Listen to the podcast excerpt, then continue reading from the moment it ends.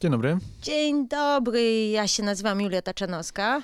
Ja się nazywam Jakub Popielecki. A to jest nasz podcast, mam parę uwag. Dziś rozmawiamy, właściwie trudno powiedzieć, o czym rozmawiamy, bo plan był rozmawiania o filmie Tenet, Christophera Nolana, ale jakoś to się rozrosło i mam wrażenie, że po prostu będziemy rozmawiać dzisiaj o Christopherze Nolanie i jego filmach. Teraz sobie pomyślałem, że to jest trochę niesprawiedliwe, skoro uniwersum Marvela poświęciliśmy 4 czy 5 odcinków, a całego Christophera Nolana będziemy chcieli zamknąć ale w jednym. Poczekaj, bo nie wiesz, ile ten odcinek nam zajmie.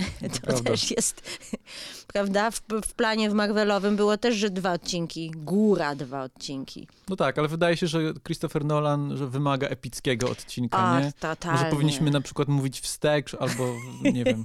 Puścić od końca. Tak, to jest o tyle ciekawe, że zazwyczaj mówimy o filmach, które nam się podobają, albo które podobają się tak. przynajmniej jednej z naszych osób. Tenet trochę skomplikuje tę narrację. Tak. Chociaż mi się wydaje, że generalnie Christophera Nolana, przynajmniej inaczej, powiem za siebie. Ja generalnie Christophera Nolana bardzo lubię i bardzo szanuję. E, chociaż widzę szereg e, rażących mankamentów. Bo z Christopherem Nolanem niesamowite jest to, że on potrafi robić genialne filmy, po prostu genialne, wspaniałe, epickie, piękne, a z drugiej strony potrafi robić tak głupie, bezsensowne, jakieś nadęte filmy i... Wiesz co, ja powiem więcej. Czasem to są te same filmy. Bo wydaje mi się, że jest szereg nieporozumień co do tego, jakie są wady Christophera Nolana mm -hmm. i jego filmów.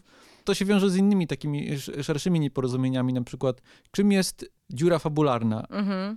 Wydaje mi się, że to, co zazwyczaj uważa się za dziurę fabularną, to często nie jest dziurą fabularną. Na przykład Mroczny Rycerz jest filmem, w którym jest szereg dziur, teoretycznie dziur fabularnych, mm -hmm. ale ale to jest temat, który rozwiniemy później. Y, Mroczny Rycerz, to zostawmy no, sobie go na dalszy etap tej dyskusji. Wisienka na torcie. Tak, tylko tutaj inicjuje tak. pewne punkty jakby konfliktu, czy pewne tematy, y, które kręcą się wokół Christophera Nolana. Bo chyba zaczniemy od Tenet tę rozmowę, mimo wszystko, nie? No chyba, chyba trzeba, to znaczy, nie wiem jak... Chyba, że tytułem podsumowania masz jeszcze jakiś manifest.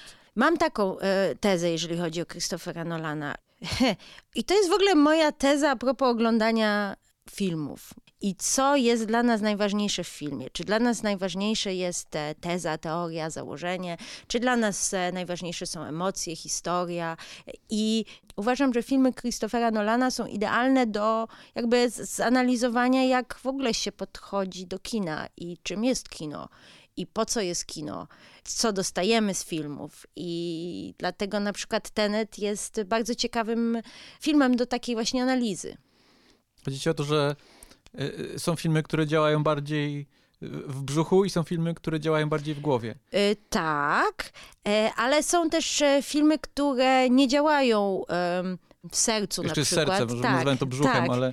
Tak, ale że filmy, które teoretycznie powinny działać, a nie działają, albo filmy, które są ustawione tak, żeby wszystko w nich... Ale to jest tak, że Christophera Nolana widzisz w którejś z tych konkretnych grup, czy że on jest dobrym przyczynkiem Nie, do dyskusji o tej, dobrym o tej przyczynkiem różnicy? do dyskusji, ponieważ mhm. mamy, no chociażby o, możemy od razu płynnie tutaj przejść do, ten, do Teneta, Teneta, do Tenetu? Jak się to odmienia? Nie wiadomo. To jest największa zagadka tego filmu. Możliwe. E, chodzi o to, że to jest film koncepcja. Mhm. Może zacznę w ten sposób, że mi się ten film nie podobał. Mhm. I wiem, dlaczego mi się nie podobał.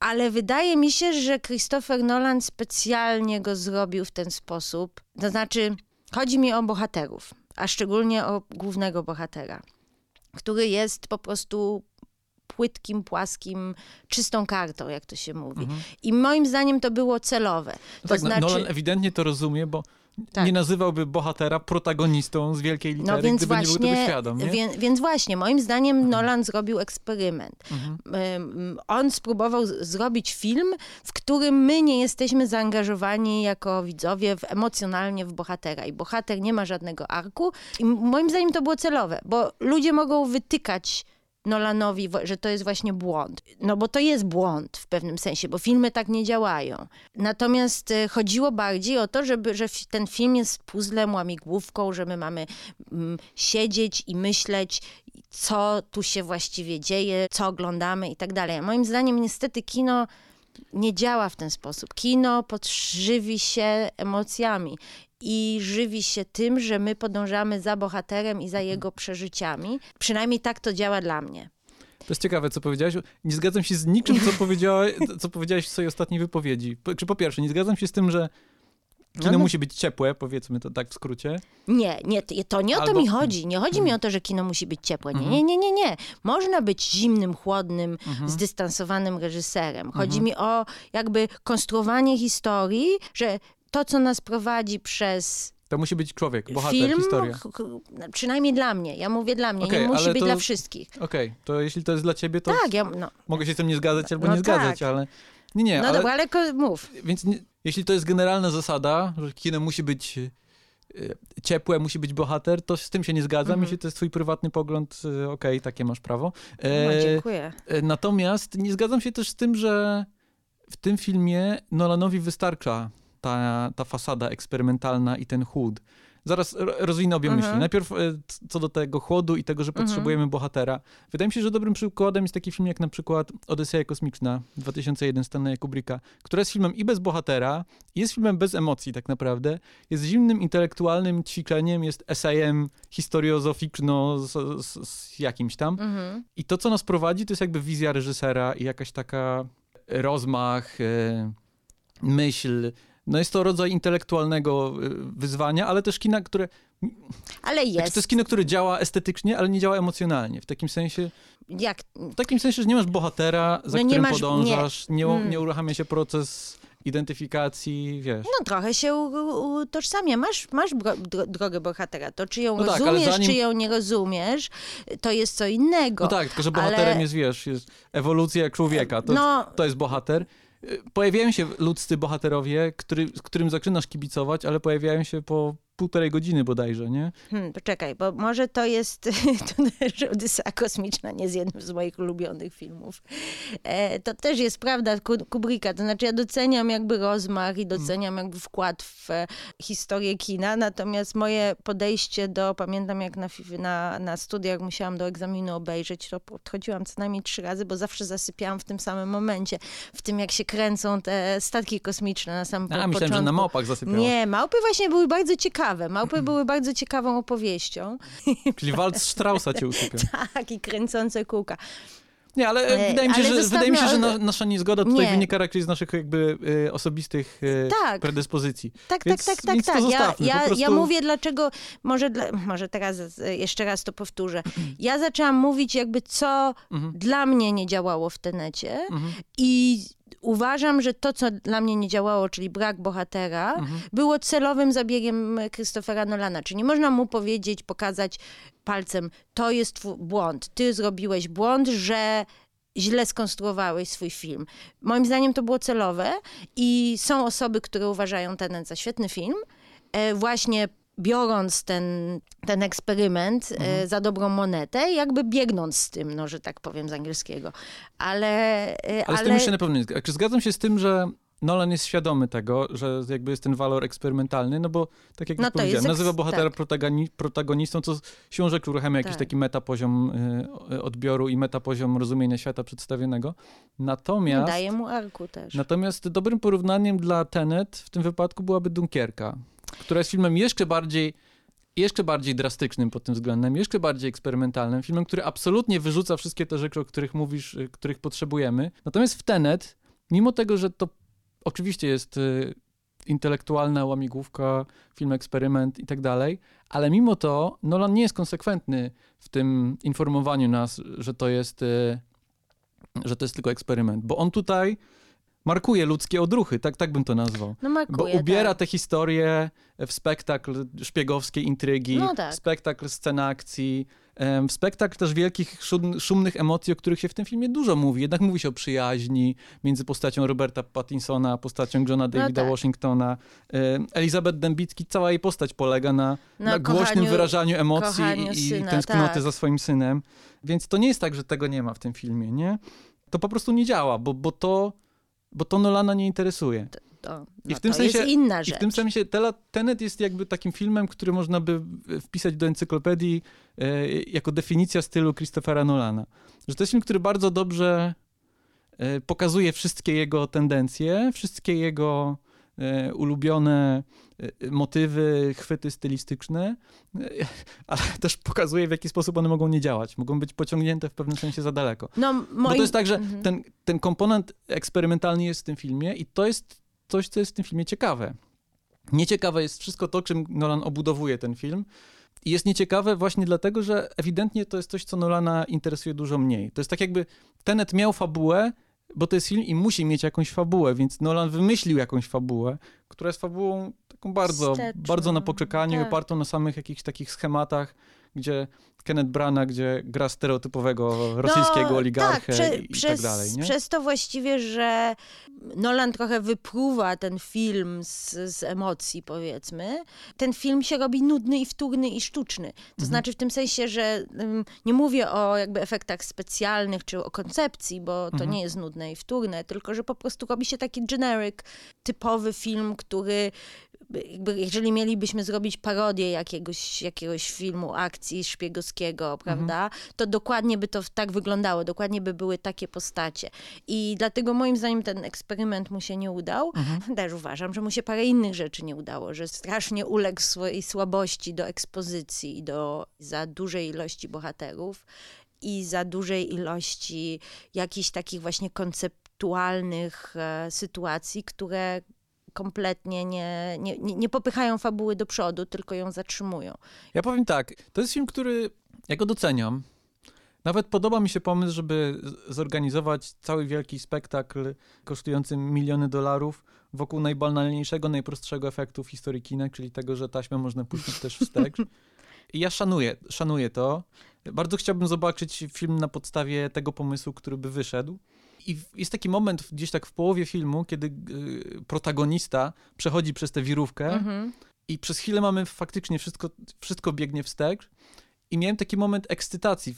To jest, y, zaznaczam, to jest godzina i pół w, w filmie, nie? Więc tak. to było tak. półtorej godziny już takiego dość męczenia się, żeby dostać ten moment olśnienia i wtedy poczułem, aha, to po to Nolan zrobił ten film, żeby dać nam ten moment jakiegoś takiego odwrócenia wszystkiego do góry nogami i to faktycznie było takie czysto jakieś kinowe odczucie ekscytacji, przynajmniej z mojej strony, ale po trzech minutach ono minęło i wróciliśmy jakby do trybów tej machiny, która nie, nie do końca działa, nie? Więc... E, więc tak. Więc tak. Jeżeli możemy się teraz wgryźć tak bardziej konkretnie w, w Tenet, to no przede wszystkim problemem tego filmu jest za dużo ekspozycji, mhm. bo Christopher Nolan wspaniale potrafi opowiadać obrazem. I to nie jest prawda, że on potrzebuje tą ekspozycję, że on jest bardzo wizualnym reżyserem. Chociażby no, cała Dunkierka o tym świadczy.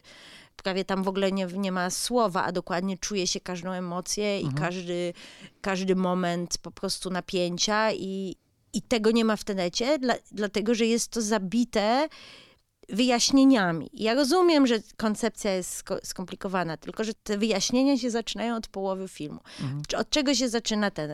Zaczyna się Nie, od... one się zaczynają od samego początku niemalże, nie?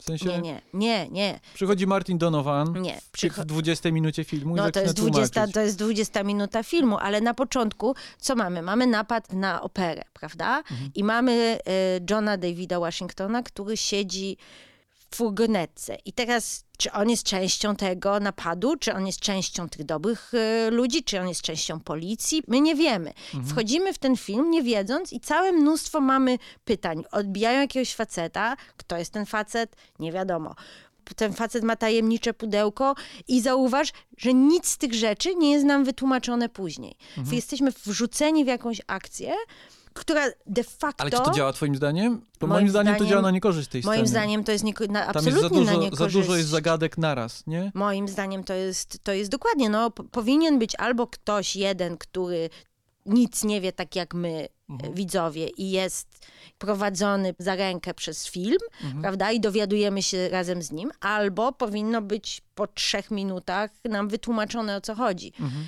E, albo powinno to być w ogóle wyeliminowane, bo na serio, na serio to nic nie wnosi. Oprócz jakby wprowadzenia tego pudełka, mhm. które okej, okay, to, to mogłoby być clue, że oni mają odbić jakieś pudełko z, z, tego, ale po co tam jest jeszcze jakiś inny typ? Jakiś generał rosyjski, który go trzyma na muszce? Nie, nigdy już nie wracamy do tego. Nie, wydaje mi się, że to są rzeczy, które są w tym filmie wyjaśnione, ale to, to nie ma żadnego znaczenia. To, w sensie jesteś w stanie zrozumieć na podstawie. E, na podstawie tego, z filmu, co tam się wydarzyło. Natomiast... Jesteś w stanie zrozumieć, bo widziało się już 15 takich mhm. filmów. Mhm. No prawda? Ale czy to, czy to cię angażuje emocjonalnie? Nie, nie angażuje cię w ogóle emocjonalnie, po mhm. prostu w ogóle cię nie obchodzą ci ludzie. Mhm. Plus, tak jak Nolan potrafi opowiadać, yy, znaczy każda scena akcji powinna mówić coś o bohaterach powinno to coś nam opowiadać, coś nam wnosić do historii. A tutaj czego my się dowiadujemy z tej pierwszej sceny o protagoniście? John David, tak. O Denzelu Washingtonie juniorze. Nic się nie dowiadujemy, oprócz tego, że no dobra, umie się świetnie bić, ale czy to jest wystarczające Ale to nie chodzi dla... o to, że w pierwszej scenie się nic o nim dowiadujemy. Przez cały film się nic o nim nie no dowiadujemy. Nie. No, Parę rzeczy zostaje nam powiedzianych, ale... Tak to nie jest sposób na przekazywanie takich informacji. Nie, to jest coś, co, co jest zadziwiające, że Christopher Nolan prowadzi nas przez nie dość, że jest ekspozycja, jakby ekspozycja, opowiadanie nam, jak działa świat, jak działa odwrócony świat, mhm. to także ekspozycją nam popycha akcję do przodu, co jest już nudne, a potem jeszcze emocjonalnie też nam, nie pokazuje nam żadnej sceny, na przykład Kat ze, z jej synem. Poza tym, że ona mówi, że mhm. kocha swojego syna, mhm. my nie widzimy żadnych ich interakcji. Tak jakby Nolan nie był w ogóle zainteresowany budowaniem nam tego świata. Mhm. Jako ludzie wiemy, że matka kocha swoje dziecko i jakby chce być z tym dzieckiem. A to jest różnica ale... właśnie y, między y, sympatią dla bohaterów. Sympatia jest tak. wtedy, kiedy jesteśmy w stanie po prostu zrozumieć, okej, okay, to są ludzkie odruchy, tak. ona chce swojego syna, tak. ale to jest nam powiedziane, nie? Więc, tak. więc my to po prostu rozumiemy.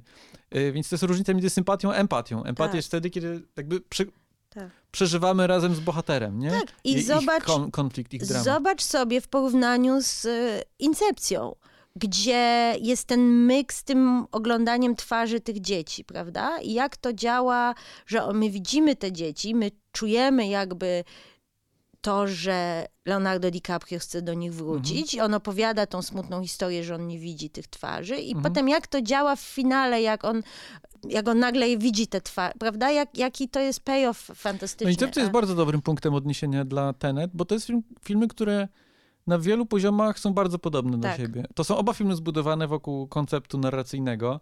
Tutaj to jest koncept jakby cofania. Tak. E, w Incepcji to jest w zasadzie, to są takie, można powiedzieć w pewnym sensie, metafilmowe koncepty, tak? Tak jakby zbudowane z miłości Nolana, Nolana do kina i do tego, jak działa maszyneria kina. Tak jak w Tenet jest to puszczanie taśmy w tej we w te, to w Incepcji to jest montaż równoległy, nie? Tak. To, to jest sen we śnie, to jest po prostu zgłębianie możliwości tego, jak bardzo można posunąć to, co Griffith zrobił w nietolerancji chociażby, nie? To jest taka nietolerancja do potęgi. No, Incepcja to w ogóle nam opowiada o tym, jak, jak to jest oglądać film. Projekcja, identyfikacja, mhm. tak? Mhm. Poczekaj, albo bo Dobra, ja zacząłem wymieniać, ja zacząłem wymieniać podobieństwa i Nie, tych podobieństw ty... jest więcej, że jest bardzo podobna też y, ta konwencja po prostu szpiegowskiego thrillera, gdzie masz y, grupę ludzi, którzy muszą coś wykraść, tak? Zrobić jakąś szaloną akcję, taką parabondowską mhm. wręcz. Więc no, to jest też bardzo podobne tak. w obu filmach. I podobno jest też, y, podobny jest sposób jakby realizacji tego konceptu, który polega na tym, że ta, ten koncept musi nam zostać wyjaśniony przez bohaterów, którzy non-stop dialogują, y, objaśniając nam tę maszynę tak jakby. Dlatego, że w Incepcji to objaśnianie moim zdaniem działa dużo lepiej. Z grze się zgodzę, że mogłoby być mniej tych dialogów, natomiast wydaje mi się, mniej. że Mogłoby Inaczej, ja pamiętam mój pierwszy seans filmu Incepcja. Mhm. Pierwszy seans filmu Incepcja wyglądał tak, że myślałem sobie, że to jest najlepszy film w historii kina. Naprawdę. Także przesadzam, nie? Albo po prostu byłem tak absolutnie wciągnięty i zahipnotyzowany przez to, co się dzieje na ekranie. I to jest, to jest też trochę sedno y, y, kina Christophera Nolana. W sensie, że wracanie do jego filmów nie jest zawsze dobrym pomysłem bo te filmy przy powtórnej jakby analizie się zaczynają rozpadać, tak? A to na pewno. Ale teraz pytanie, czy to ma znaczenie?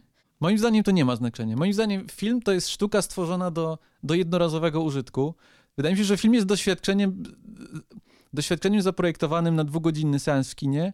Jeśli ten seans jest spełniony, to nie ma znaczenia, czy jeśli potem do tego wrócisz, to się okaże, że a to w zasadzie to się nie klei to z tym. Okej, okay, może się nie klei. To są najlepsze filmy w historii kina, te, które najbardziej cenimy, te, które przeżywają powtórne seanse. Poziom minimum do spełnienia dla filmu to jest pierwszy seans. Jeśli pierwszy seans działa, jest super. I większość filmów y, Christophera Nolana y, spełnia ten test pierwszego seansu.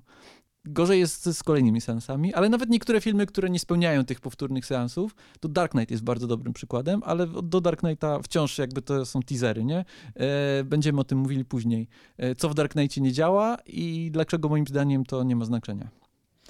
Ale teraz ty się z czymś chcesz nie zgodzić. Ja się chcę nie zgodzić. Nie, ja się chcę nie zgodzić, że to jest to, to co dla mnie jest e, fascynujące w kinie w ogóle, że można oby, o, oglądać, wiedząc już, jak się dana scena skończy, e, oglądać i mieć te, dokładnie te same emocje. Może one nie są tak intensywne jak za pierwszym razem, ale ile razy na przykład oglądałam różne filmy i bałam się dokładnie w tych samych momentach, albo się stresowałam, czy bohaterom się uda, czy nie uda zrobić coś, jak dokładnie wiedziałam, że im się uda, bo, no bo tak, bo już widziałam ten film. Ale jedno nie wyklucza drugiego. Oczywiście, Oczywiście, ale jeżeli chodzi o Christophera Nolana, to rzeczywiście on ci stwarza taką aurę w swoich filmach, jakiejś niesamowitości, jakiejś epickości, że to, co oglądasz, jest takie ważne, istotne i mądre.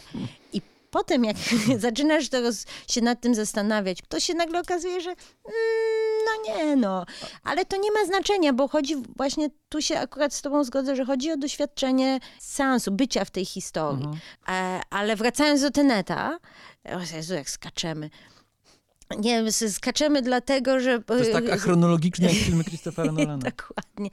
E, ja na przykład powtórzyłam go sobie przed naszym programem i wyszło mi, że mi się go dużo lepiej oglądało za drugim razem niż za pierwszym razem.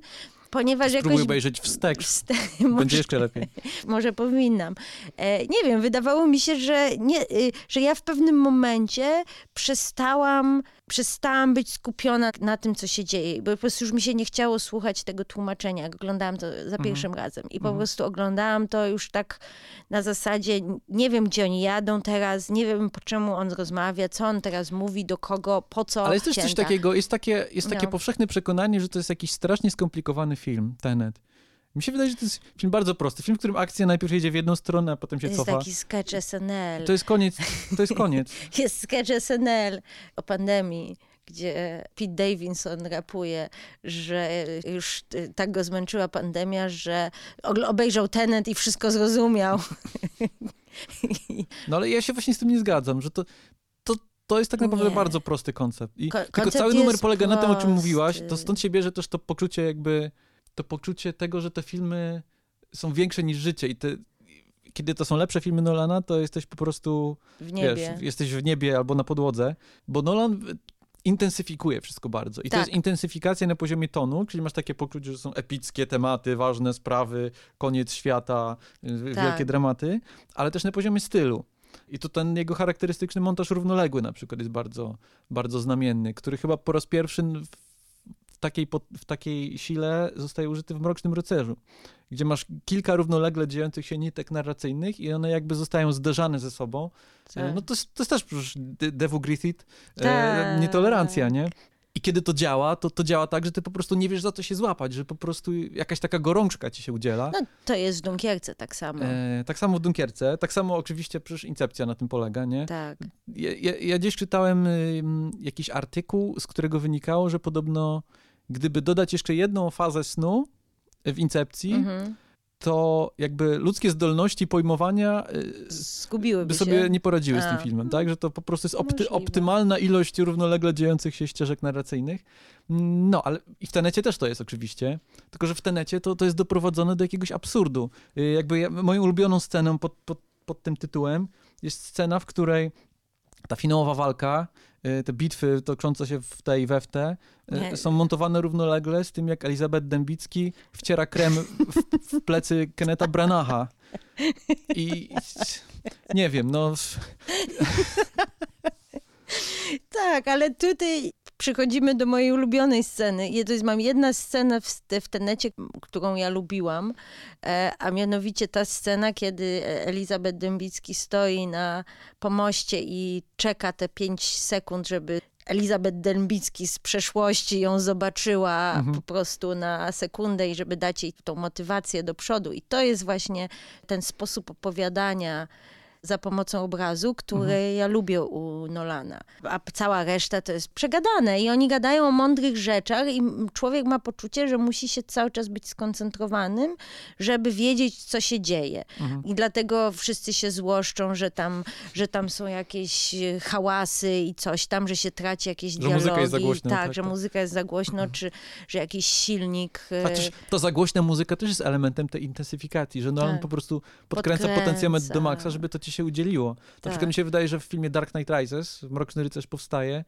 główny ciężar filmu dźwiga Hans Zimmer po prostu, bo muzyka orkiestrowa i te bębny, które tam walą, są tak epickie, że tak. po prostu myślisz sobie, okej, okay, czyli to, to, to, to musi być musi być bardzo ważne. Tak, plus y, Nolan też y, stara się poruszać bardzo ważne tematy, czy tam te tematy społeczne, czy tematy y, rzeczywistość kontra sen, czy co jest prawdą, co nie jest prawdą i, i to są bardzo ważne tenety, tenety tematy. Zależy w którym filmie, zależy w którym filmie, ale w Tenet, w Tenet też jakby jest, są takie górnolotne rozmowy raz o przyjaźni, no tak? tak? Mamy niby tę przyjaźń między Pattinsonem a Johnem Davidem Washingtonem, która jest, która jest w ogóle poza filmem, tak, tak, jakby, bo oni mówią, kiedyś zostaniemy przyjaciółmi, tak. ale nie mamy tego w filmie, no, mamy musimy dwa, uwierzyć mamy, na słowo, tak, tak jakby. Tak, tak, a to jest szkoda, bo to jest właśnie, to jest zmarnowanie, bo, bo niby Nolan próbuje protagonistę z Kat ustawić jako parę, mają romans, czy mogą, mogliby mieć romans, natomiast to, to, co jest rzeczywiście korem tej opowieści, powinna być relacja Pattisona i No to jest klasyczny Nolanowski bromans. To bromans, no tak. To w większości jego filmów pojawia się taka męsko-męska relacja. To jest w ogóle ciekawe w relacji protagonisty z Kat, że ten kluczowy moment y, dla fabuły tego filmu, czyli ten moment wejścia Johna Davida Washingtona w wirówkę i cofnięcie tak. się w czasie, on to robi po to, żeby uratować życie tak. Kat, którą poznał tydzień temu. Jakby nie czujemy tej wagi. Tak, dokładnie. Bo, bo z, z, trzeba zwrócić uwagę, że on tutaj stawia na szali losy całego świata tak naprawdę, nie? Tak. Są losy całego świata albo życie kobiety, którą dopiero co poznał. Być może jest to piękne, ale jest to w ogóle niesprzedane nam jako mhm. wiarygodna motywacja psychologiczna tak. dla bohatera. I jeszcze a propos tych wielkich tematów i ratowania świata, to tutaj też jest y, trochę o współczesnych czasach, nie? Jakby jakieś takie widmo apokalipsy, wojny, tak. y, może trochę nawet ekologiczny wymiar to jest y, i jest taka, taki morał niemalże, konieczności walki o świat, nawet kiedy jest nikła szansa na wygraną, nie? Y, więc to się pięknie wpisuje w ten pochód ważnych nolanowskich tematów, ale to jest kolejna rzecz, która jest tylko powiedziana w tym filmie. Tak, zgadzam się z tobą. Wydaje mi się, że ten film jest napompowany sloganami, ale właściwie nawet nie widać tego zagrożenia. Mhm. Bo tak szczerze mówiąc, nawet ja nie wiem, ta finałowa scena, że oni walczą z kimś. Ja nawet nie wiem, z, z kim oni walczą gdzie oni idą, jakby kto tam jest. I ja rozumiem jakby koncepcję, że jedna armia e, idzie, druga armia się cofa i potem jedna armia mówi drugiej, co się wydarzyło i, i tak jakby się nagle jakaś taka pętla robi, prawda? I no dobra, ale oni muszą walczyć przeciwko komuś, przeciwko komu oni walczą. To, to wszystko jest tak gęste, że ja nawet nie zauważyłem, że tam jest Aaron Taylor Johnson. Aha. Nie poznałem go.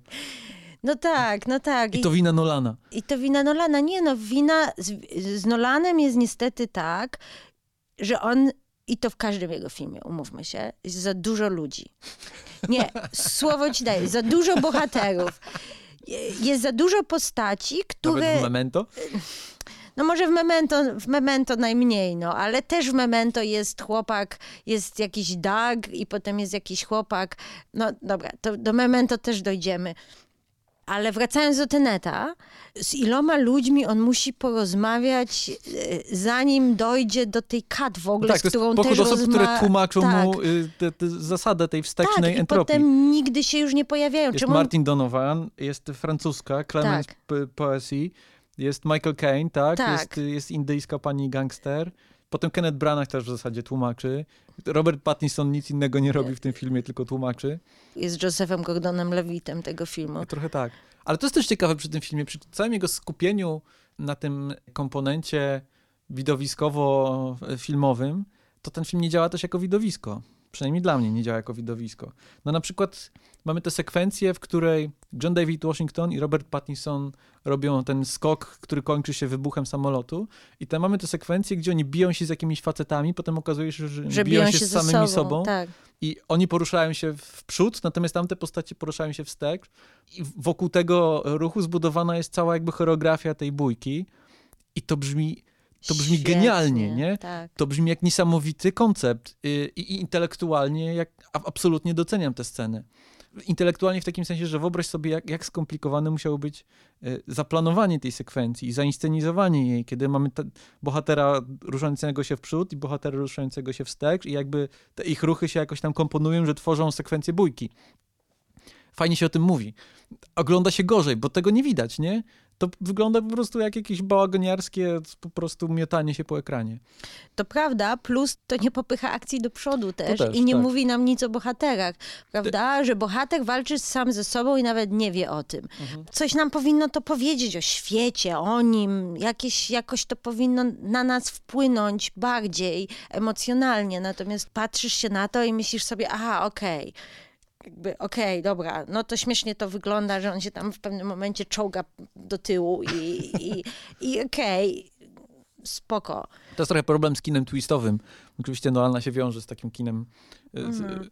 nieoczekiwanych zwrotów akcji, że często kluczowa informacja zostaje przetrzymywana e, tak długo, że kiedy zostaje ujawniona, to jakby jest już za późno, żeby to miało jakiś wpływ na, na dramaturgię na ekranie. I tak jest w tym przypadku, że ta sekwencja jest w zasadzie bardzo ironiczna, nie? że on walczy sam ze sobą. Tak. Ale my nie jesteśmy w stanie tej ironii docenić. Do, dopiero po, po pół filmu później jakby to do nas dociera, ale wydaje mi się, że wtedy jest już niestety za późno w pewnym sensie.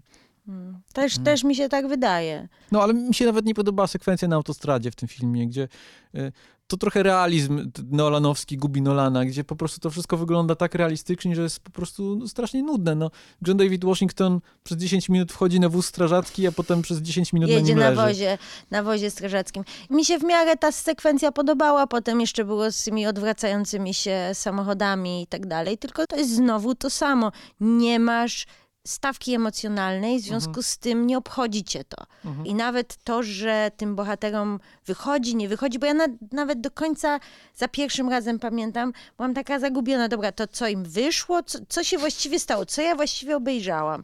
I dopiero tak oglądałam za drugim razem i zobaczyłam, aha, bo tamten to było to i ten, i tak myślę sobie, nie, to jest takie, nie. Chociaż to jest ciekawe, że wiele osób poczytuje to za zaletę jego kina. E, to, że to jest skomplikowane, ergo, wiesz, głębokie. Na przykład Interstellar jest dobrym przypadkiem, gdzie koronnym argumentem na obronę Interstellar, filmu, który bardzo trudno jest obronić w moich oczach, no. ale koronnym argumentem obrońców Interstellar jest to, że przecież to wszystko jest naukowo wiarygodne. No super, że jest naukowo wiarygodne, bardzo się cieszę i doceniam, natomiast jest filmowo niewiarygodne. Tak. W sensie, film się nie broni jako film, a to, że broni się jako tak. wizja tego, jak działają czarne dziury, no to tak. wszystko bardzo ładnie, ale wolałbym dobry film, w którym czarne dziury nie działają tak jak w rzeczywistości, tak. niż słaby film, w którym wszystko się, wszystko się spina naukowo.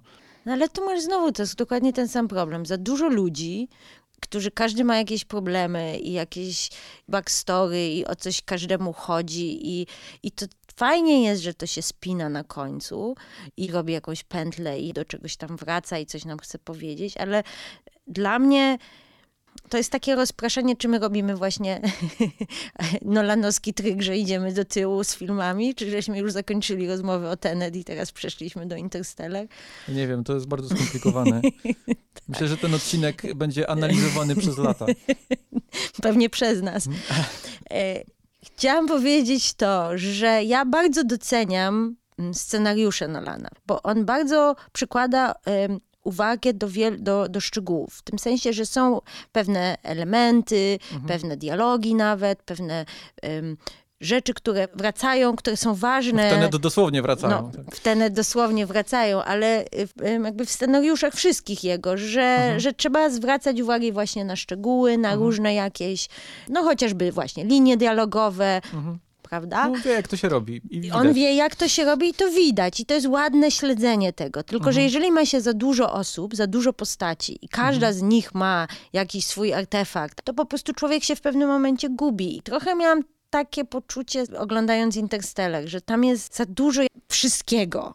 I że jest za dużo emocji, i jest za dużo jakichś mądrych, właśnie naukowych rzeczy, i za dużo filozofii, i i w pewnym momencie też już mnie przestaje to interesować, bo tu właśnie tych emocji było więcej niż wszystkiego innego, no bo o czym jest Interstellar? O tym, że miłość zwycięża, że miłość jest najważniejsza. Znaczy, to jest ciekawe, że wydaje się, to ja gdzieś to już napisałem, więc będę cytował A. sam siebie, że mówi się, że kosmos to ostateczna granica, tak? Mhm. No w Interstellar się okazało, że ostateczną granicą dla Nolana jest człowiek właśnie, nie?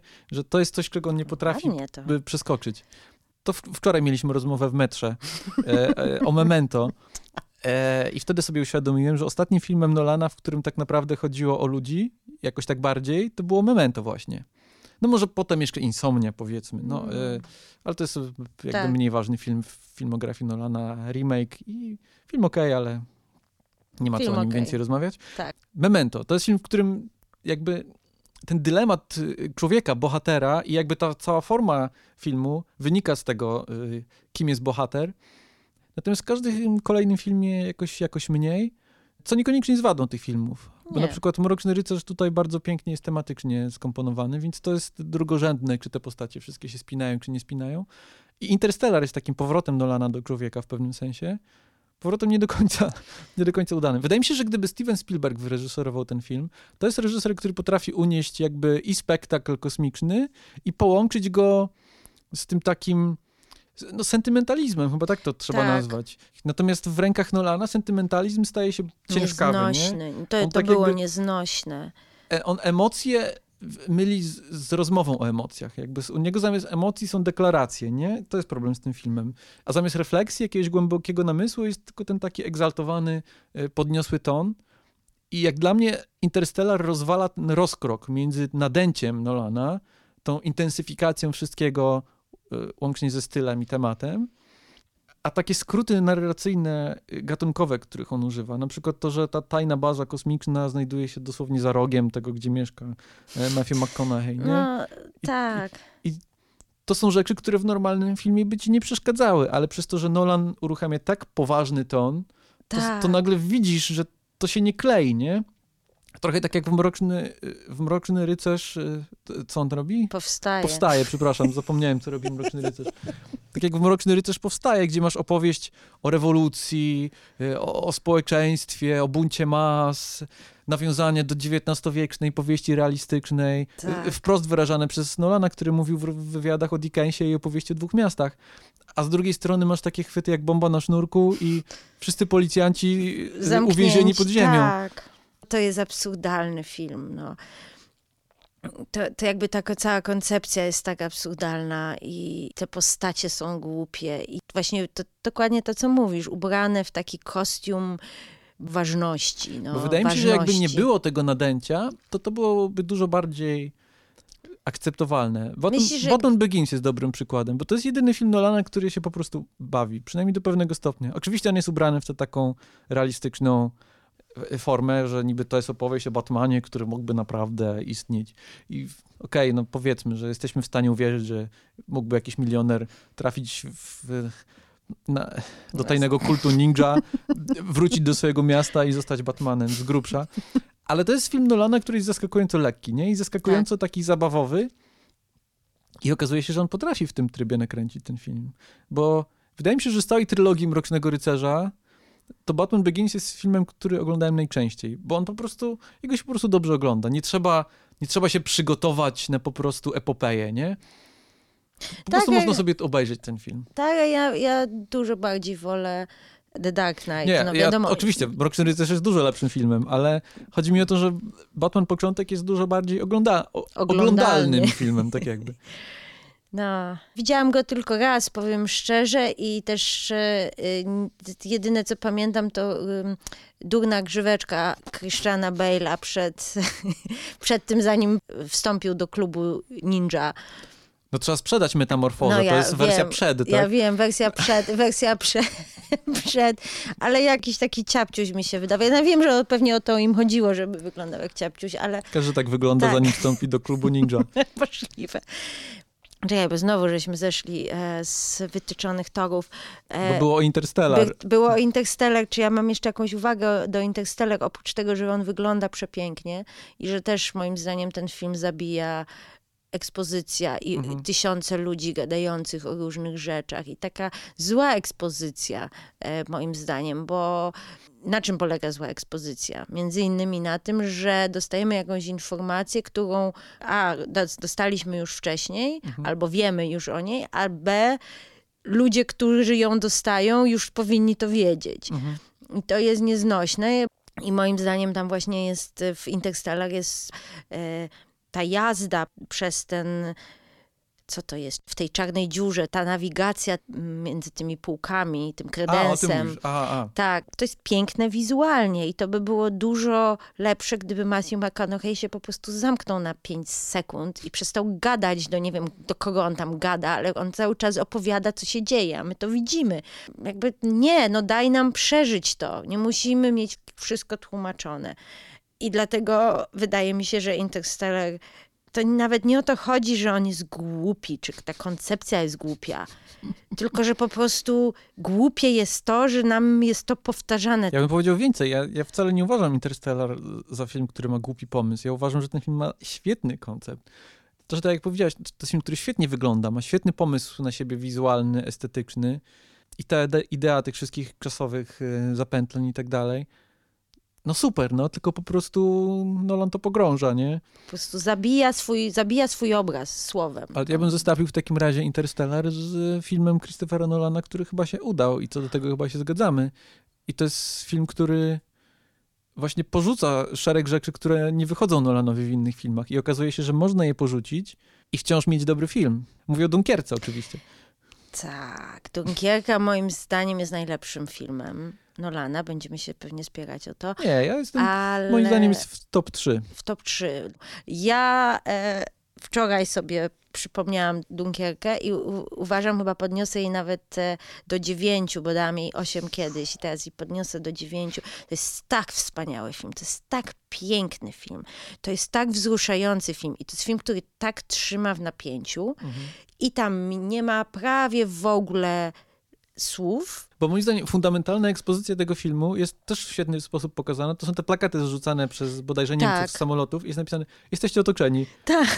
To jest, to jest cała ekspozycja tak, i tyle tak, musimy wiedzieć. Tak, nie? to znaczy nie, no jest tam w, jakieś, są trzy linijki tekstu na początku filmu, że prawda, Dunkierka, co to było mniej mhm. więcej.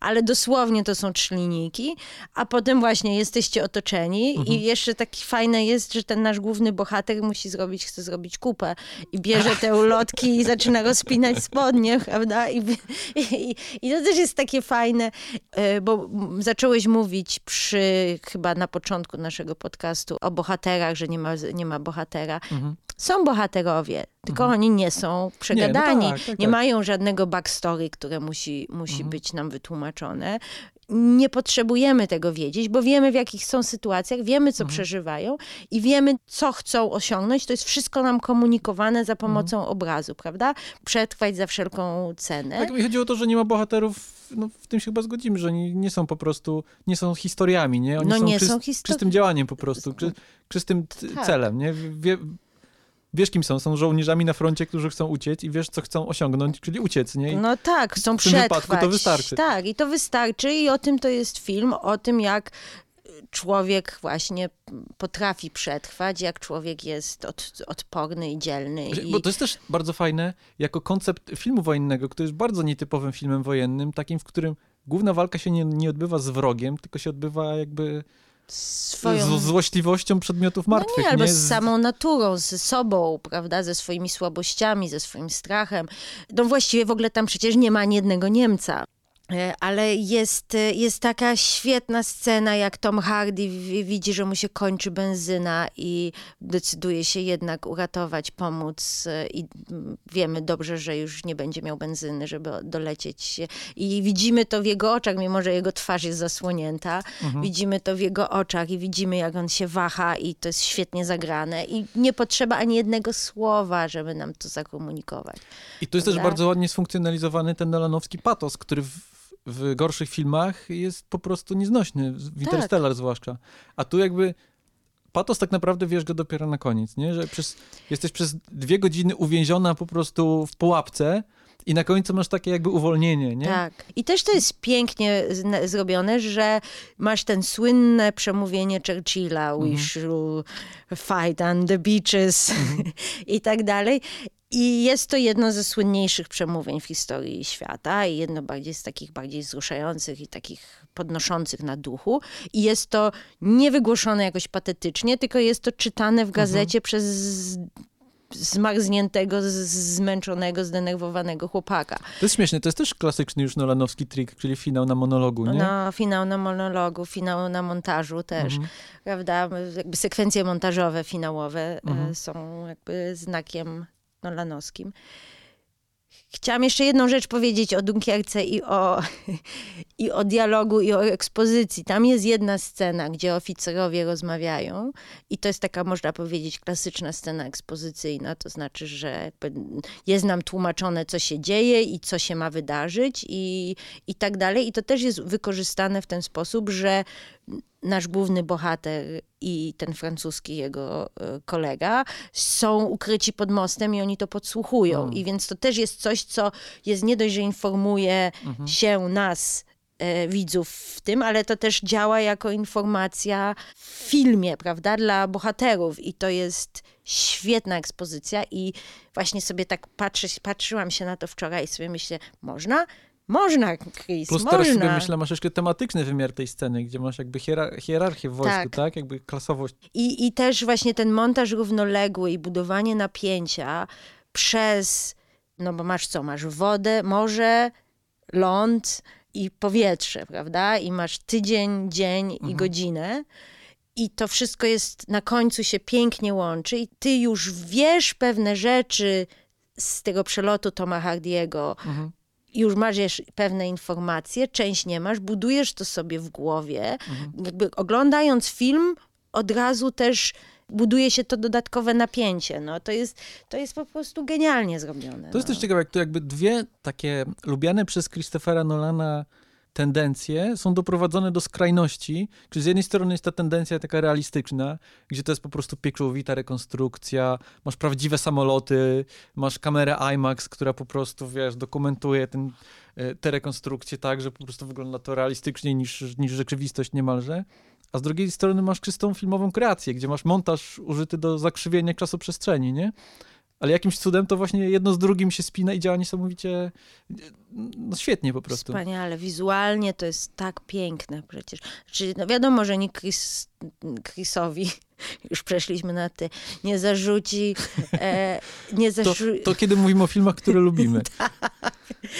Nikt, nie, nikt mu nie zarzuci braku wizualnej wrażliwości, ale Chociaż to jest, jest też taki matowy, taki wycofany ten jego, w sensie to jest piękny film, nie? Dunkierka. Hojte van Hojtema tutaj no. zdjęcia. Ale to nie jest taki wdzięczący się obraz. Nie. to nie jest Zack Snyder. Nie wiem, szukam nie. jakiegoś... Wymieniłem Zacka Snydera, bo szukałem jakiejś takiej opozycji, czegoś, co się błyszczy, nie? I po tak. prostu wdzięczy do kamery. To Nolana nie ma tego. Nie, nie, nie, nie. On się nie wdzięczy, mhm. ale on ci nie zaserwuje jakiegoś krzywego, brzydkiego obrazu albo czegoś, co nie pasuje. Wszystko jest bardzo spójne wizualnie. No, no i ten montaż też jest dobry. No, to trzeba mu przyznać, że nie zawsze mu montaż wychodzi. Tak, montaż czasem, czasem, mu nie wychodzi, a tam jest właśnie bardzo, bardzo to wszystko zgrabnie połączone. I... W Dark Knightie jest taka scena, gdzie Michael Caine rozmawia z Bruce'em Wayne'em, kiedy Bruce Wayne sam się zszywa i mówi, że Batman y, nie ma ograniczeń. I tam jest jedno takie cięcie, że po prostu nie mogę go znieść.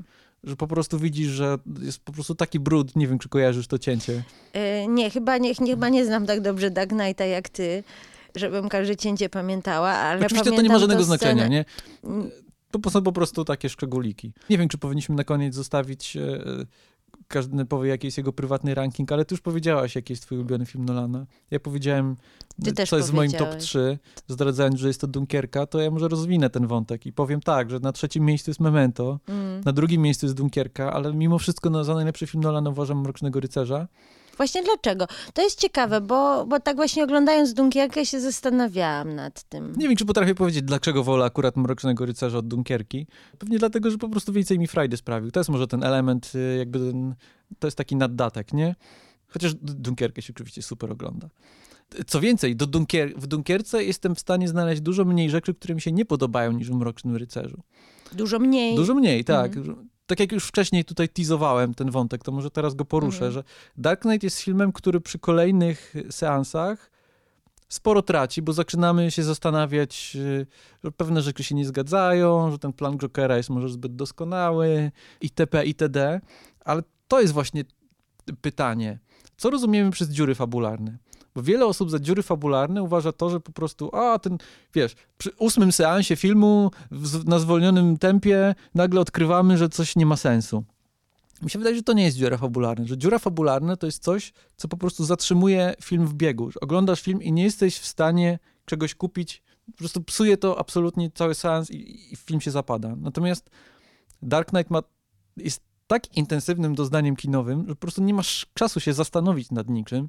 I nawet jeśli e, logicznie na przykład parę rzeczy się tam nie spina, to to jest film, który tematycznie na przykład jest po prostu krystalicznie przeprowadzony. Jakby nawet nie tyle postacie tam są pierwszoplanowe, tylko to jest film o jakby pewnym sporze postaw. I wydaje mi się, że to jest genialnie napisane w tym filmie. Masz ten wiesz, porządek, chaos, oczywiście, bla, bla, bla. Nie wiadomo, wszyscy wiemy, o czym jest to film ale w jaki sposób to działa? Jakby każda scena jest jakby kolejnym argumentem w tej dyskusji i każda scena coraz bardziej komplikuje to, co się dzieje. Oczywiście miejscami Nolan komplikuje za bardzo. To są rzeczy, których nie lubię w tym filmie. Na przykład ta sekwencja z promami.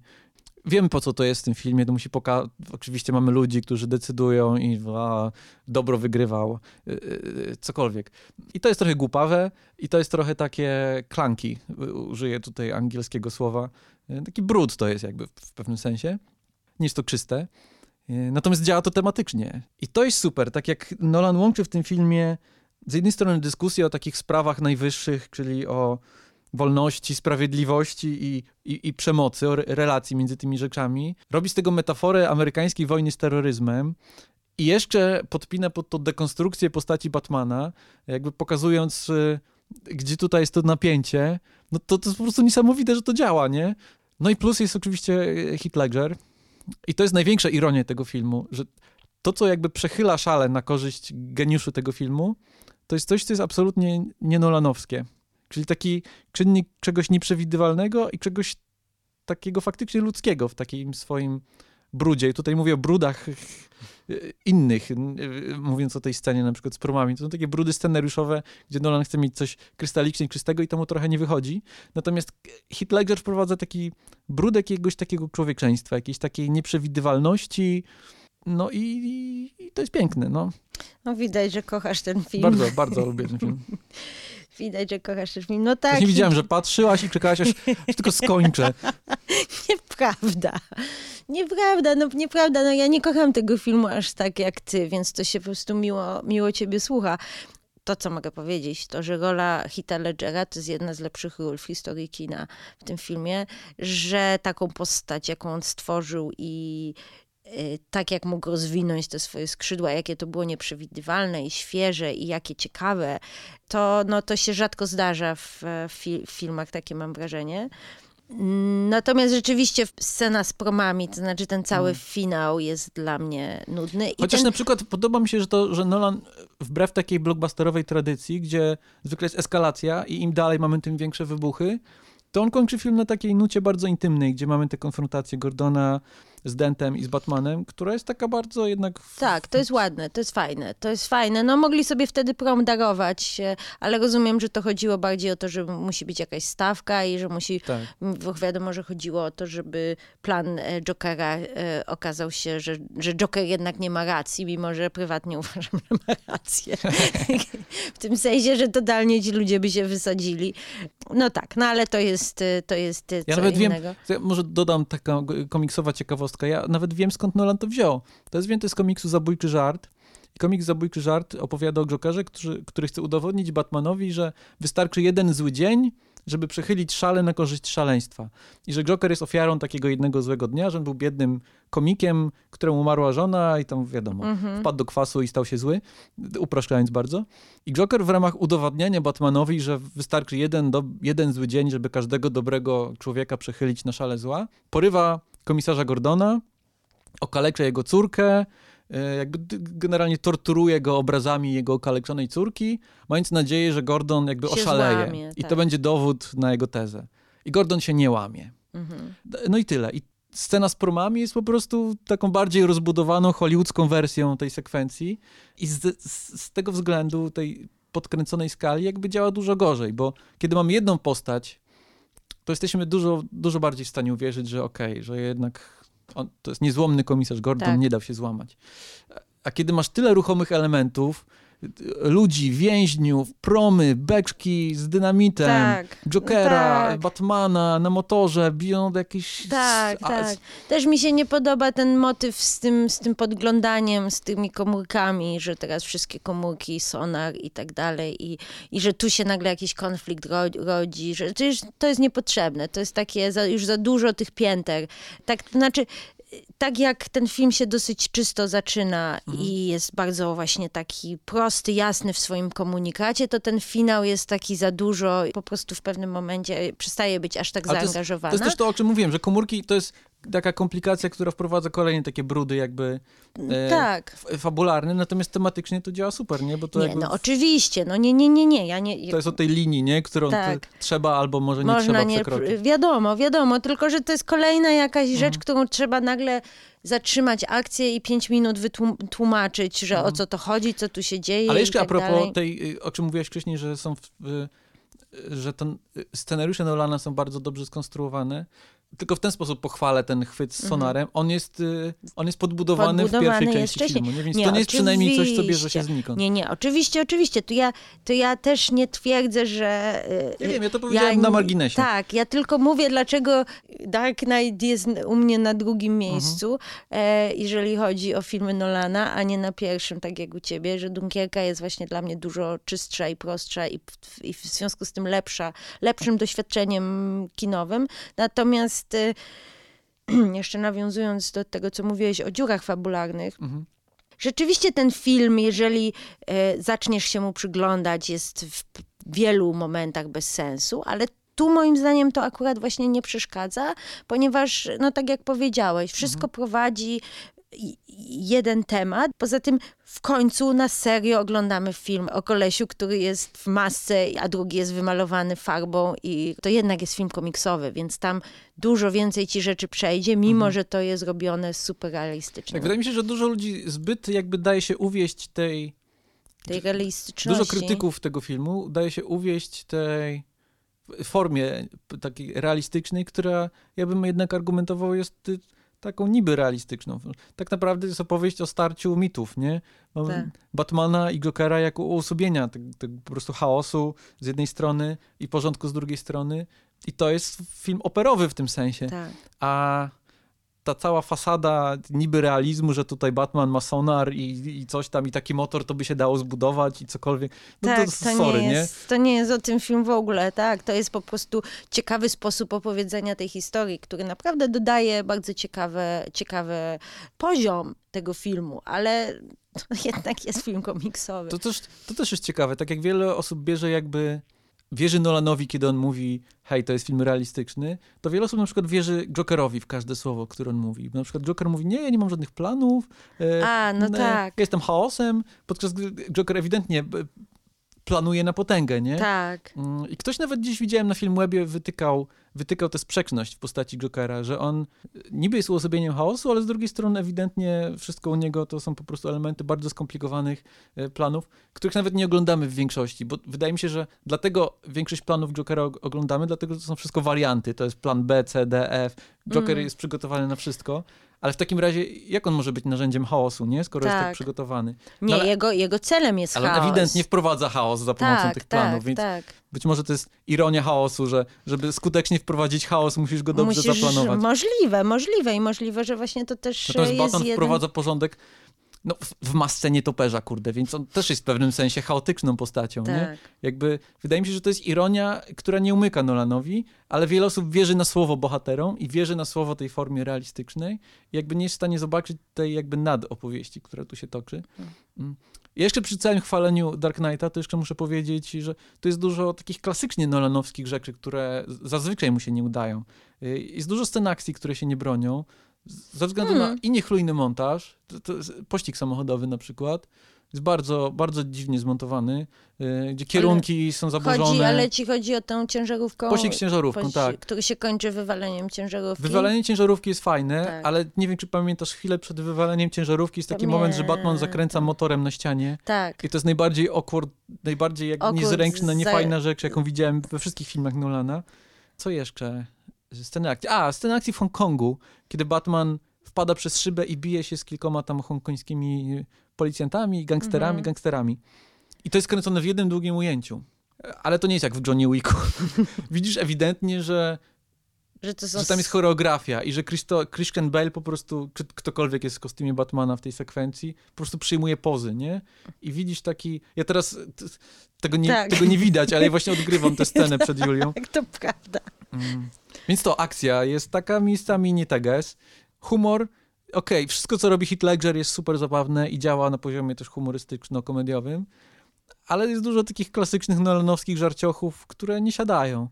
Chociaż ja gdzieś spotkałem się z tezą, że żarty nie mogą siadać u Nolana. Że to jest specyfika jego kina, że, tak jak w Marvelu, że te mm. żarty są jakby, one rozładowują to napięcie. Natomiast esencja kina Nolana polega na tym napięciu Napięciu, właśnie. tak. Tak. Więc gdyby te żarty działały, to jakby osłabiałyby ten patos. To znaczy, jest parę, nie wiem, no postać właśnie moim... Ho hockey pads, tak? No, hockey, no, not, no tak, no tak, to jest... Tak, ale właściwie Joker jest zabawną postacią, Joker, tak. prawda? I to, co na przykład ten I'll make this pencil disappear jest mhm. jedną z moich ulubionych e, scen w ogóle w tym filmie i mhm. uważam, że to jest super zabawne. No ale nie wiem, czy głos, e, głos Christiana Bale'a powinien... czy to, to był, jest zabawny, faktycznie. Czy to był element Kurde, to jednak dobra komedia. I jeszcze jest e, trzeci element, który zazwyczaj Nolanowi wychodzi różniawo, e, obok akcji i obok humoru, to jest seks i, i kobiety. Właśnie nie ma seksu. Jego filmy są absolutnie aseksualne. To I prawda, kiedy, tam w ogóle nie ma kobiet w jego filmach. I kiedy próbuje uruchamiać wątki miłosne, czy wątki nie. seksualne, czy w ogóle postacie kobiece, to średnio, nie? Na przykład tutaj postać Rachel jest, no to jest klasyczny los dziewczyn głównych bohaterów, które zostają zlodówkowane, tak, tak, to się tak, mówi. Tak. To się wziął z komiksu, gdzie dziewczyna jednego z Green Lanternów została pokrojona przez czarny charakter i zamknięta w lodówce. E, I to miało służyć oczywiście jako motywacja dla rozwoju głównego bohatera. I tak samo jest z postacią Rachel w tym filmie, nie? Tak, dlatego na przykład w Incepcji, o dziwo, postać e, kobieca która jest totalnie wymyślona przez głównego bohatera, działa moim zdaniem najlepiej. Wyszłam Marion Cotillard, tak, tak, jego tak, żonie. Tak. Faktycznie, no ona jest, ona tak. jest przynajmniej funkcjonalna. Ona nie? jest funkcjonalna, tak, ale, ale właśnie teraz tak sobie pomyślałam o tym, że, że on zresztą nawet mówi, że, ona, że on sobie jej nawet nie jest w stanie wymyślić taką, jaką ona jest naprawdę. Mhm. To akurat... Dobrze działa tutaj, bo, bo to była jedyna postać, która mnie jakoś tak strasznie nie gryzła. No jednak prawdziwa miłość u Nolana jest możliwa tylko między mężczyznami. To prawda. Niestety, między Batmanem i Jokerem, między Batmanem i e, między Bruce'em Wayne'em i Alfredem, no. między Bruce'em Wayne'em i Foxem, pewnie można by dalej, między Bruce'em Wayne'em i Harvey'em Dentem. No tak, to Teraz prawda. sobie myślę, że można by argumentować, że Mroczny Rycerz to jest opowieść o walce o serce Bruce'a Wayne'a. No chyba tak. Tylko nie wiem, kto ją wygrywa.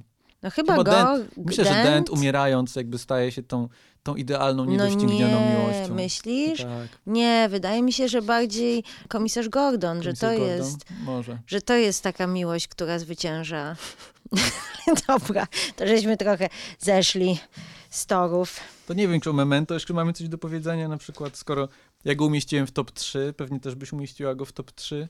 Wygląda na to, że mamy bardzo podobny top 3. Mamy podobne top 3. Ja jeszcze bym zrobiła argument, że Incepcja jest też... E, chociaż nie. Nie, chyba Memento jest lepsze. Ja jednak wolę czystsze filmy. W tym Mhm. sensie, że ja jednak wolę filmy, które mają mniej ekspozycji Mhm. i mniej, mniej są przegadane i mniej mają bohaterów. I Memento jest ciekawym właśnie, właśnie to, co mówiłeś na początku, że jest to film właśnie o człowieku Mhm. i o emocjach i o tym, jak każdy z nas sobie konstruuje swoją historię i swoją rzeczywistość. Mhm. I jak jesteśmy w stanie zrobić wszystko, żeby utrzymać nasz, naszą wizję świata. Tak, ja bardzo lubię finał tego filmu, który jest y, no, strasznie ponury, ale zarazem ma w sobie coś takiego przewrotnie optymistycznego w sobie, nie? że każdy musi mieć jakiś cel w życiu. I właśnie ten Leonard znalazł ten cel w pewnym sensie, nie? I on jakby... Bardzo wiele osób y, się krzywi na mnie, jak mówię, że to jest Tak, ja się pozytywny nawet finał. skrzywiłam się troszeczkę. skrzywiłaś. Ale ja uważam, że, że to jest ironiczny, pozy- ironicznie pozytywny, ale ewidentnie jest taki ton jakiejś takiej, czegoś podniosłego w tym na końcu, nie? Przynajmniej ja, ja tak to czytam. Znaczy podniosłego, no jakby tym, że człowiek po prostu jest w stanie... Podniosłego w sensie podnoszenia na duchu. Tak Aha. Nie podniosłego w sensie jakby patosu. Patosu. E, nie wiem, mi się strasznie ten scenariusz e, podobał w tym sensie, że jest on mistrzowsko napisany. E, Zdaje się, Nolan miał nominację do Oscara za ten scenariusz. To chyba z jego E, bratem. E, chyba tak. No, w, w każdym razie jest to scenariusz, który jest odpowiedziany od tyłu. Znaczy masz dwie historie. Jedna Mhm. jest kolorowo opowiedziana od tyłu, druga Mhm. jest czarno-biała opowiedziana od przodu. Mhm. One się idealnie na siebie nachodzą. Teraz robię ten, ten eta znak. idealnie się na, na siebie nachodzą. I w dodatku nie gubisz się przez ani sekundę. Mhm. W sensie jesteś absolutnie w stanie podążać za tym, co się dzieje, plus napięcie jest budowane. I dokładnie dostajesz tyle informacji w danej scenie, ile ci jest potrzebne, żeby zbudować następną scenę i zaciekawić cię, co się będzie działo dalej i zbudować właśnie, Właśnie to jest ciekawe, że napięcie. udaje mu się zbudować napięcie i suspens, mimo tego, że oglądamy to wstecz, nie? Tak, Więc jest to jakiś rodzaj wyzwania. no to jest, olbrzymie wyzwanie i nie, tra- nie traci się naprawdę, to jest film z 2000 roku bodajże. Mhm. On naprawdę nie, nie się nie zestarzał. E, oglądałam go tam, nie wiem, cztery dni temu, e, czy coś takiego. I my Chyba, że jestem... przez te cztery dni się zestarzał. No, wątpię. nie wiem, oglądałam same filmy Nolana przez ostatnie cztery dni, więc mm, w każdym razie jest to film, który y, naprawdę, tak jak już mówiłam, trzyma w napięciu i wydał mi się też bardzo świeży i jestem w ogóle zadziwiona, że to wyszło, bo to jednak jest bardzo eksperymentalne. Mhm. To jest tym ciekawsze, że y, tak jak mówisz, jest wciąż świeży, bo mogłoby się wydawać, że on jest absolutnie nieświeży po tym, jak mieliśmy, wiesz, 150 filmów, y, których historia była opowiedziana wstecz i, i do góry nogami. No to jest jeden z niewielu tych filmów, w których ten trik jakby się udaje, też dlatego, że nie jest trikiem, Tak. że on jakby wynika wprost z postaci bohatera, z jego kondycji i jakby jest sposobem na opowiedzenie o nim i jakby Nolan też zgłębia jakby psychologiczno-filozoficzne reperkusje tego, o czym opowiada, ale też fajnie gra z konwencją kina noir. Tak, Tutaj właśnie mamy, też I mamy fan fatal, tak? Tak, no tak, mamy właściwie I wszystkie... mamy kla- śmiesznego pomagiera. Tak, wszystkie klasyczne jakby noirowskie triki, prawda? Jakąś historię kryminalną, e, dziwne właśnie motele, dziwną scenografię Mhm. e, i tak dalej, i tajemnice, i morderstwo, i, e, i wszystko jakby się fajnie zgrywa. No i plus Memento się zaczyna jak Tenet, prawda? Odwróceniem e, akcji.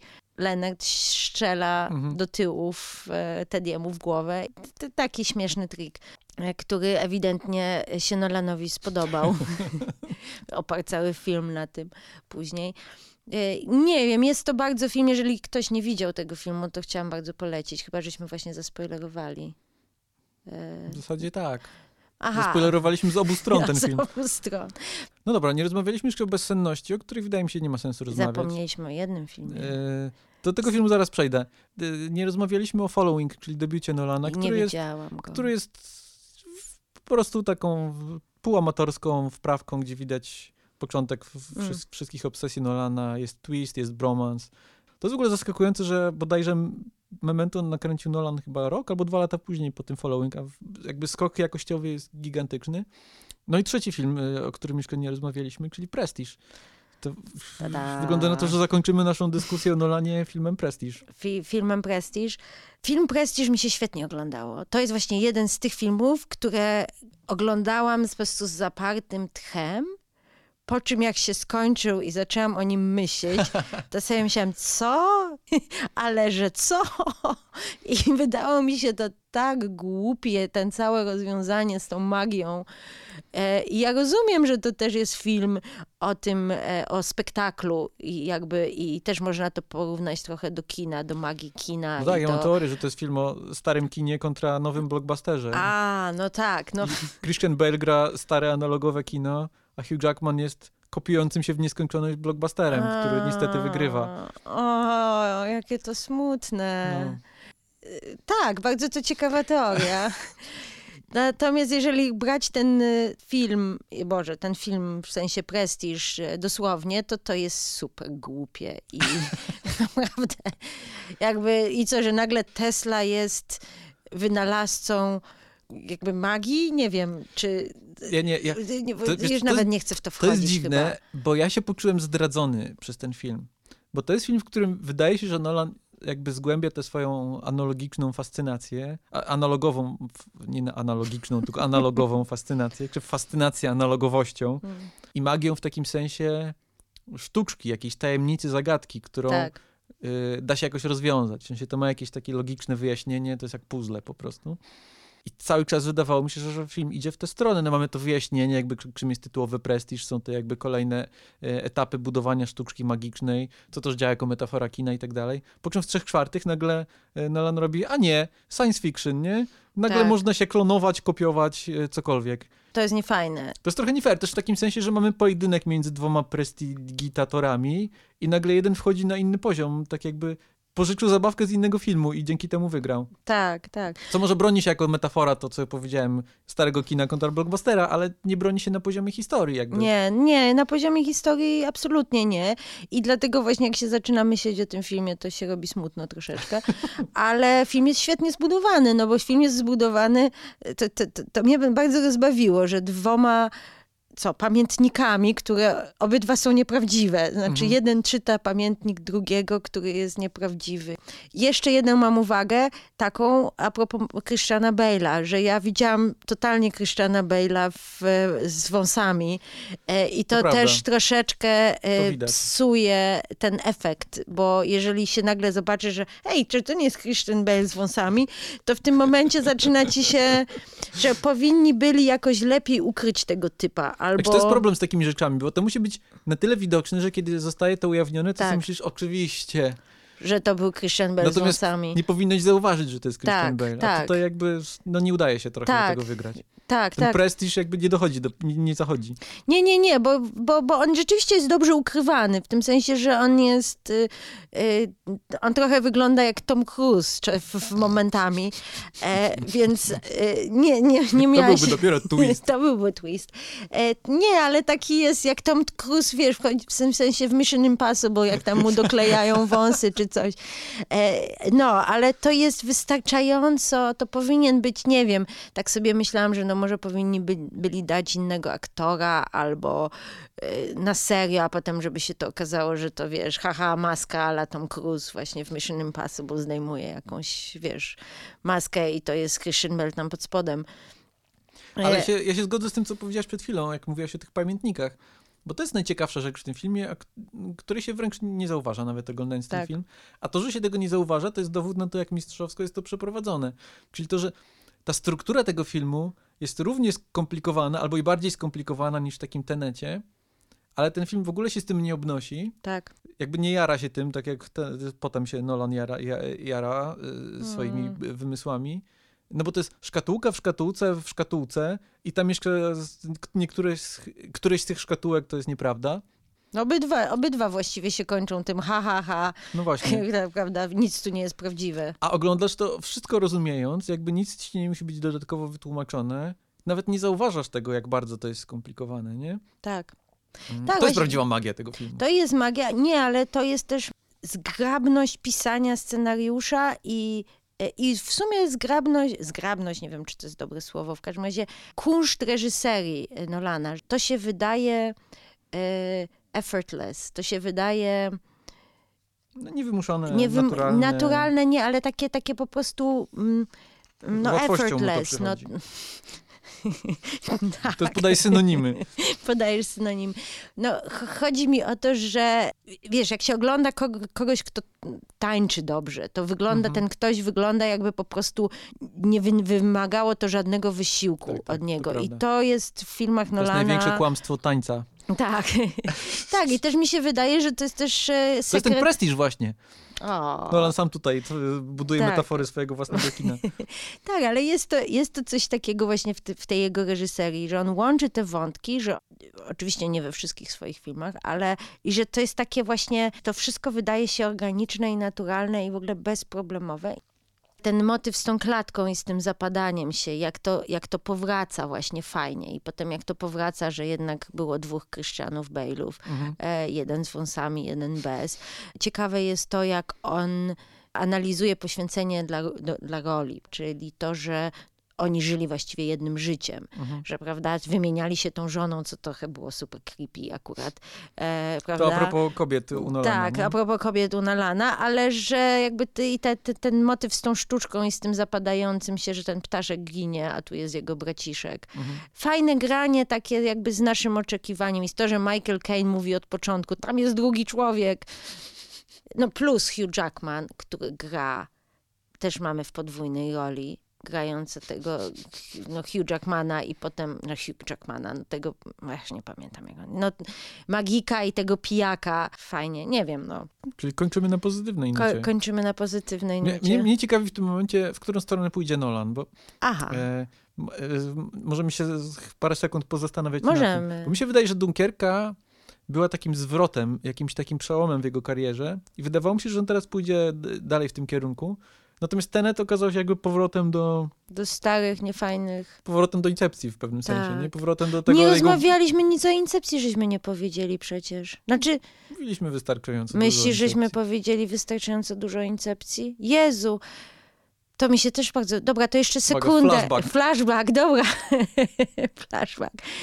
Pamiętam, jak zacząłeś mówić o Incepcji. Powiedziałeś, że to oglądając ten film, to uważałeś, że to jest najlepsza mhm. rzecz, którą e, widziałeś e, w kinie. Więc ja miałam tak niestety, było. ja miałam trochę straszny zawód. Właśnie przez e, tonę ekspozycji. Teraz doceniłam, mimo że i tak uważam, że jest hmm. za dużo ekspozycji.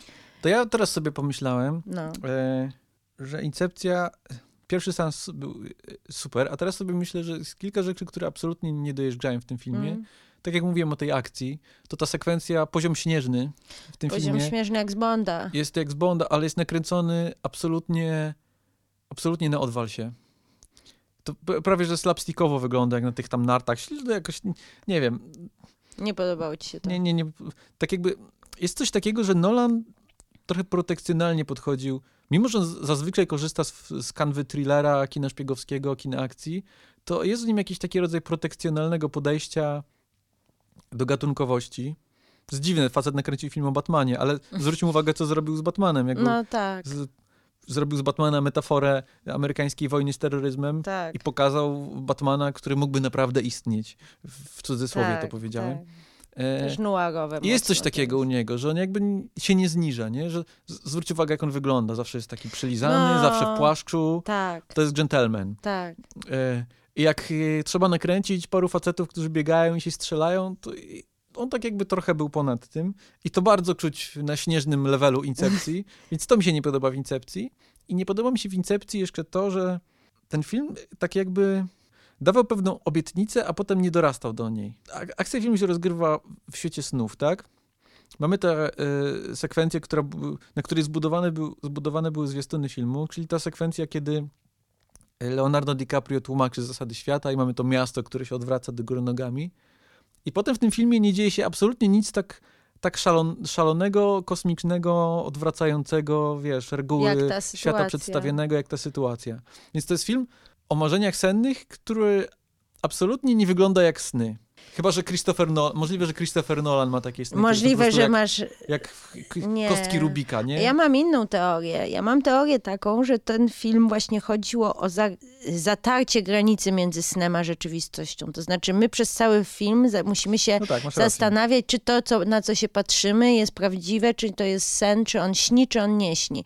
Jeżeli Mhm. będziemy mieć szalone sceny z łamaniem się miasta, czy zaginaniem się z miasta, ale z Doctor Strange, czy coś takiego, Mhm. to będziemy wiedzieć, że to jest, jaki to jest poziom. Okej, to jest dobry argument. A- Zbawiasz ten film w moich oczach.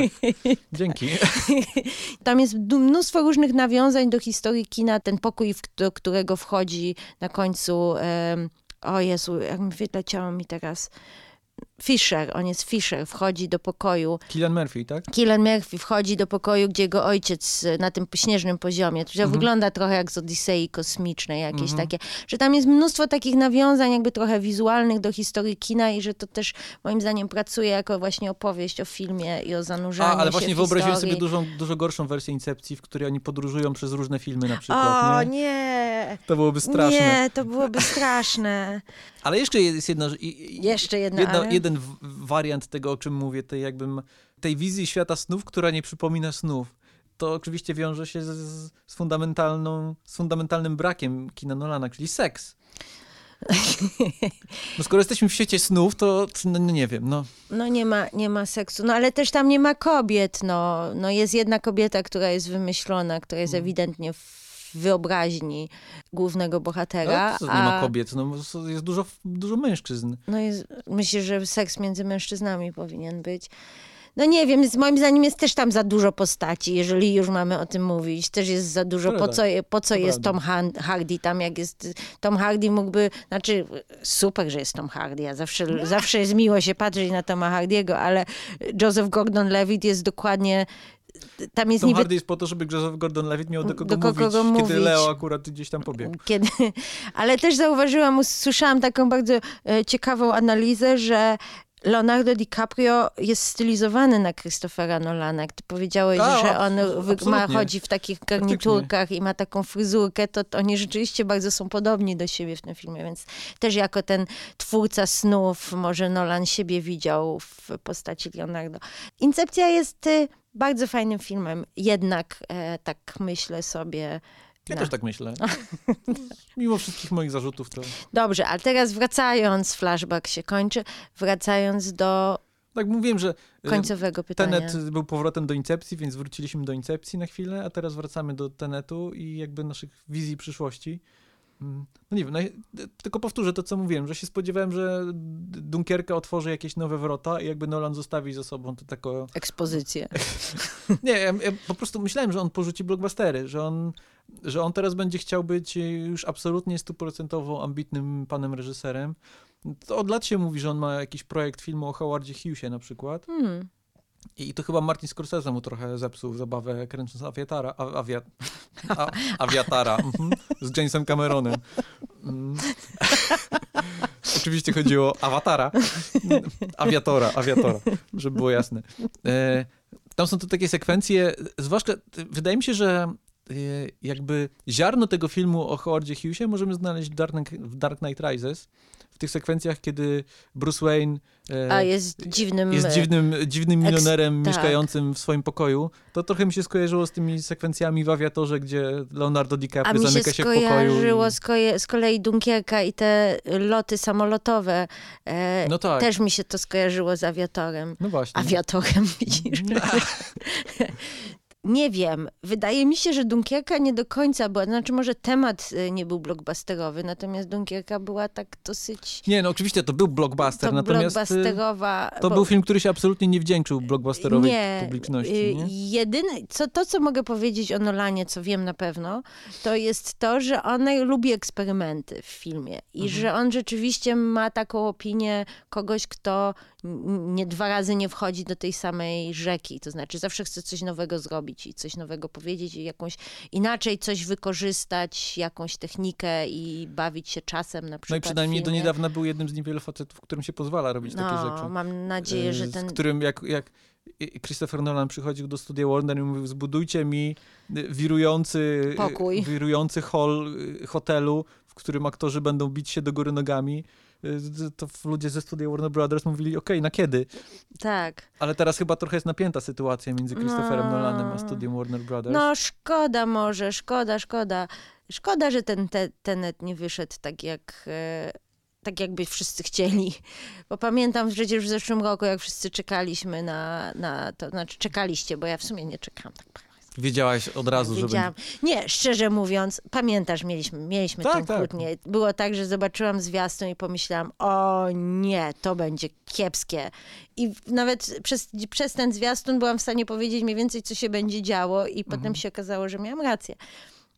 Nie, nie chcę tu się chwalić, że jestem taka ekstra, ale... Nie, ja byłem naiwny, ja wierzyłem, że, Ty że wierzyłeś. to się uda. E, tak. Znaczy, wydaje mi się, że on na pewno zrobi coś ciekawego i coś, co nie będzie sztampowe. Mhm. I nie będzie się powtarzał. Przynajmniej mam taką nadzieję i to jest to, co bym chciała, bo A może nakręci Memento 2. Memento dwa, tym razem do przodu. Tak. Tak. No, Gaspar Noé y, nakręcił, nie odwraca, znaczy nakręcił, przemontował. Przemontował. Widziałeś to w końcu? Nie, Nie, no ja też nie. ale znam zakończenie. No tak, tak, wszyscy, wszyscy znamy, było na samym początku. Dobra, e, no nic, a co ty myślisz, że co będzie z Nolanem? No ja my- myślę tak jak ty, no, że na pewno nakręci coś ciekawego, co może się nie uda, ale na pewno będzie ciekawe. To, bardziej, to pytanie jest w, w teraz w czasach pandemicznych i w czasach tego, co wytwórnia Warner Brothers zrobiła z HBO Max, mówię o tych równoległych premierach, i w świetle tego, że Tenet się nie do końca sprzedał, nie zbawił kina, e, w świetle tego, że Nolanowi nie podoba się ta strategia wpuszczania równolegle filmów do kin i na serwisie streamingowym, to to pytanie o kolejny film Nolana jest ciekawe też od takiej strony mm, zaplecza jakby produkcyjnego, w sensie dla kogo w ogóle Christopher Nolan nakręci ten film. Bo siła Christophera Nolana polegała trochę na tym, że on miał swoją pozycję po prostu w studiu Warner Brothers, tak jak mówiłem, budo- budowali mu co tylko chciał. Tak. Teraz nie wiadomo, czy on nakręci kolejny film dla Warnera. To Netflix ostatnio mówił, że bardzo by chciał, żeby Nolan nakręcił dla niego film, ale No, Nolan chyba nie miał, nie, ma miłych słów do powiedzenia o Netflixie. no nie ma, ale Martin Scorsese też nie miał, Prawda. a już Steven drugi Spielberg. film kręci dla nich, prawda? E, I tak dalej, więc może Ale byłoby ciekawe, jakby Nolan nakręcił jakiś mniejszy film, nie? byłoby ciekawe, tak. Bez, bez wysadzania samolotów. Bez wysadzania sam. Tak, to wysadzenie samolotu też, też tak, tak muszę powiedzieć, że też nie wyglądało jakoś tak ekstra. Znaczy, Czyli jako jednak- ko- koncepcja była też świetna, Czyli ale... jednak nie kończymy na Nie. pozytywnej nucie. No niestety, w Hollywood jesteś wart tylko tyle. Ile twój Ile ostatni, twój film? ostatni film? O, jakie to jest smutne. Jezus Maria. To jak, co za smutny, smutny, smutny I finał. tym optymistycznym Tym-.